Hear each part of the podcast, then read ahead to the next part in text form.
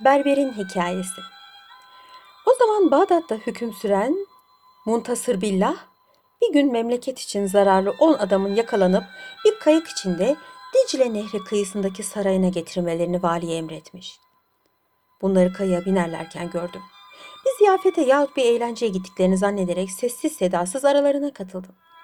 Benim terbiye ve insanlığıma bakın ki hiç ağzımı açıp nereye gittiklerini sormadım. Kayık biraz açılınca yanına başka bir kayık yanaştı. İçinde valinin adamlarından birkaç kişi vardı. Bunlar bizim sandalımızı atlayarak ben de dahil olduğum halde hepimizi zincire vurdular. Ağzımı açıp bir tek söz söylemedim. Biraz sonra bizi halifenin karşısına çıkardılar. Sabah oluyordu. Şehrazat burada masalını ara verdi. Ertesi akşamda şöylece tekrar anlatmaya koyuldu. 37. Gece Halife hemen celladına emir vererek 10 kişinin kellesini vurmasını söyledi. Cellat çabucak bu emri yerine getirdi. Halife benim ortada kaldığımı görünce cellada sordu. 10 kişinin kafasını kestin mi? Evet kestim. Fakat burada bir kişi kalmış. Zannedersem idam ettiklerin 9 kişidir. İyi say. Cellat kestiği kafaları saydı. Tam 10 tane olduğunu görünce halifeye söyledi. Bunun üzerine halife bana dönerek sordu. Senin neye sesin çıkmıyor? Bu suçlular arasında nasıl katıldın? Artık konuşmamazlık edemezdim.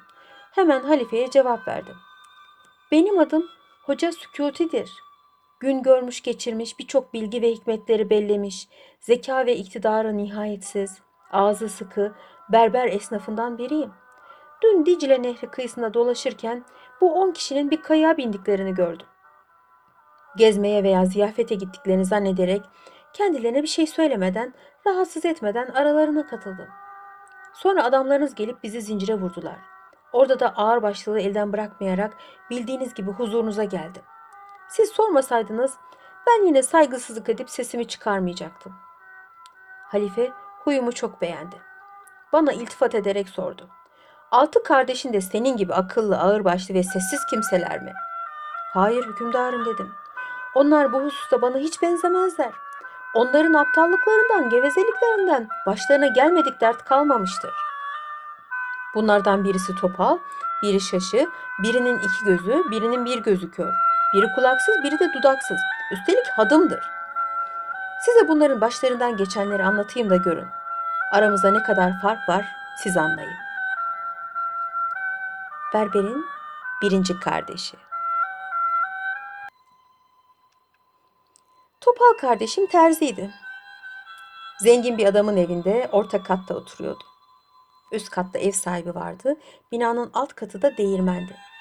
Bir gün kardeşim pencerenin önünde dikiş dikerken gözü o sırada üst katın balkonuna çıkıp etrafı seyreden güzel bir kadına ilişmiş. Hemen bir bakışta ona candan gönülden aşık olmuş.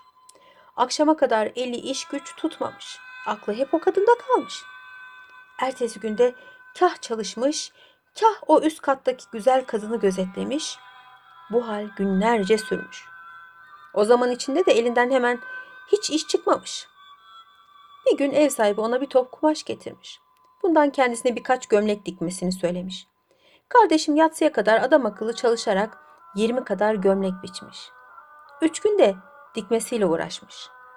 Mal sahibi o güzel kadınla beraber gelip bunlar için ne vereceğini sormuş. Fakat kadın para alma diye işaret edince siz yabancı değilsiniz para almam cevabını vermiş.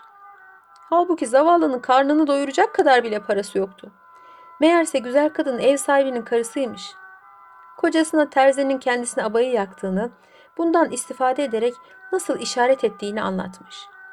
Bunun üzerine karı koca kardeşimin zayıf tarafından faydalanarak ona bedava birkaç iş yaptırmışlar.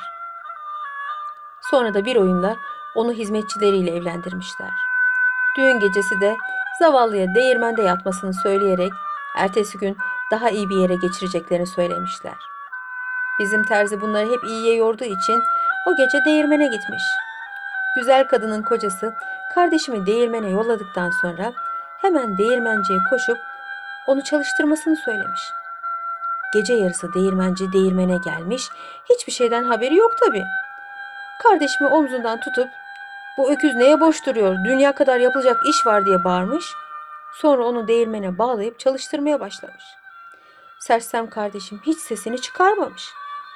Şafak, şafak sökünceye kadar insafsız değirmencinin kamçılarını yiye yiye öküz gibi çalışmış. Sabah olunca değirmenci çıkıp gitmiş. Çok geçmeden güzel kadının hizmetçisi gelmiş. Onun bağlarını çözerek başına gelenleri duyan bayanıyla hayatını çok üzüldüklerini söylemişler. Dayak yemekten konuşacak halde olmayan kardeşim hiç cevap vermemiş. Kalkıp dükkanına gitmiş. Orada nikahını kıyan hoca ile karşılaşmış. Hoca, tebrik ederim usta. Kim bilir dün akşam ne mesut bir gece geçirdin deyince, kardeşim, hangi mesut geceden bahsediyorsun? Dün gece beni öküz yerine değirmene koştular. Sabaha kadar kırbaç yiye yiye canım çıktı demiş. Hoca başını sallayarak, bu kız sana uğurlu gelmedi. Seni başka bir kızla evlendirelim deyince kardeşim kızmış. Başka alay edecek bir kimse bulun diye hocayı yanından kovmuş, işine bakmaya başlamış. Sabah oluyordu.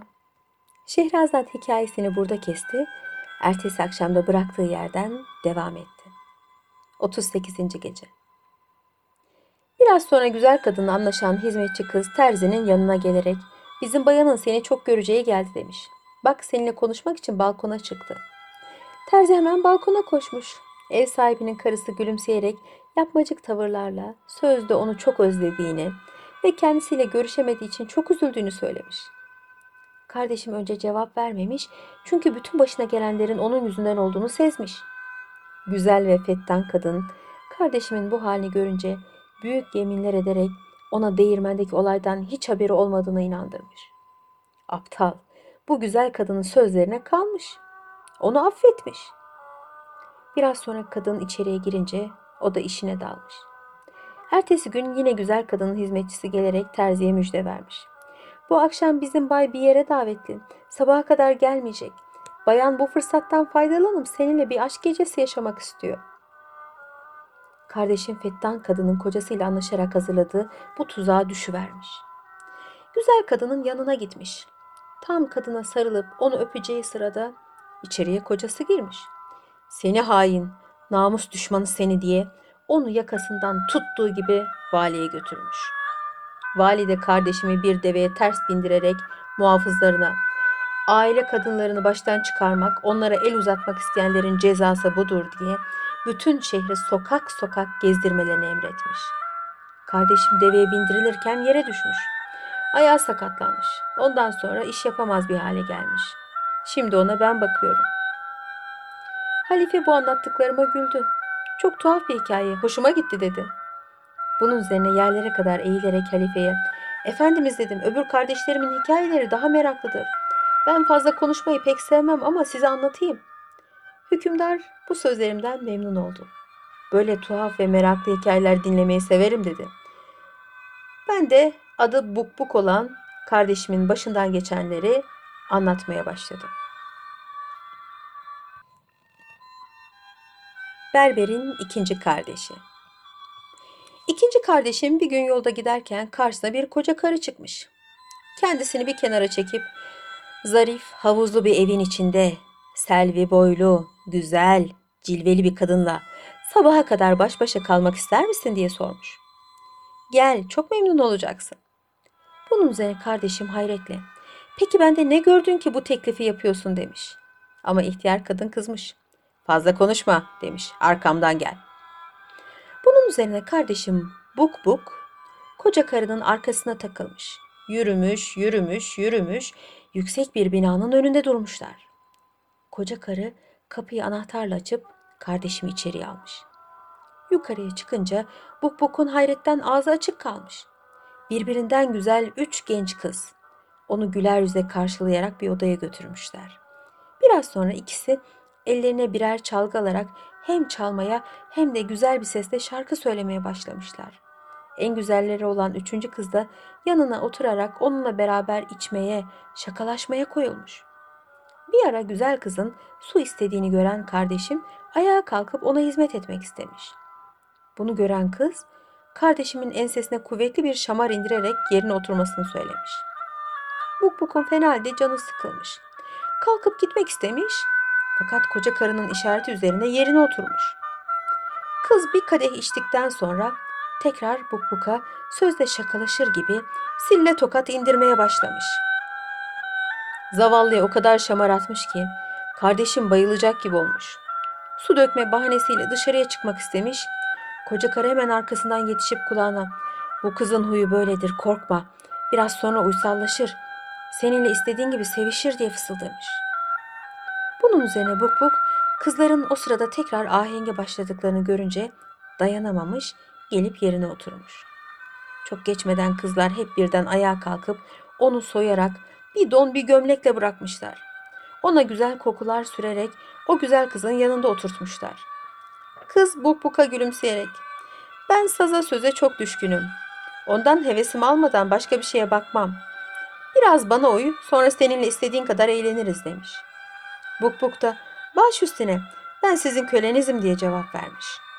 Güzel kız ut çalıp şarkı söylemeye başlayan öbür kızların yaptıkları bir iki faslı dinledikten sonra kızlardan birine bu adamı al da işini gör diye seslenmiş.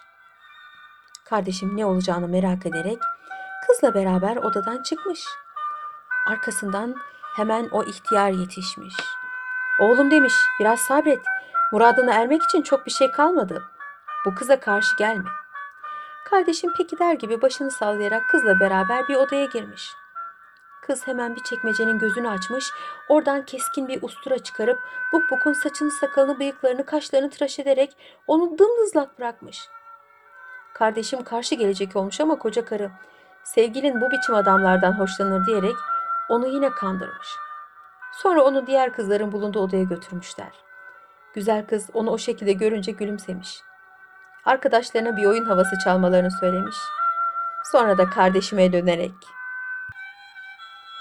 sen çok uysal bir adamsın. Hoşuma gittin. Hadi biraz oyna.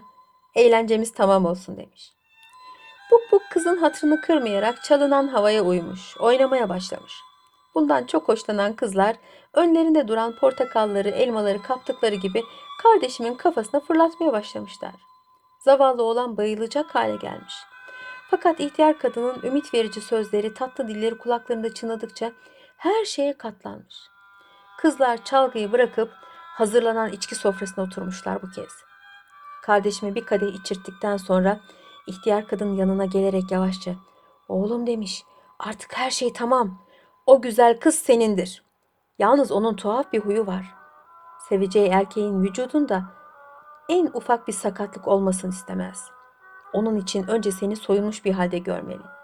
Şimdi o yarı çıplak bir halde kalacak, sen de soyunacaksın.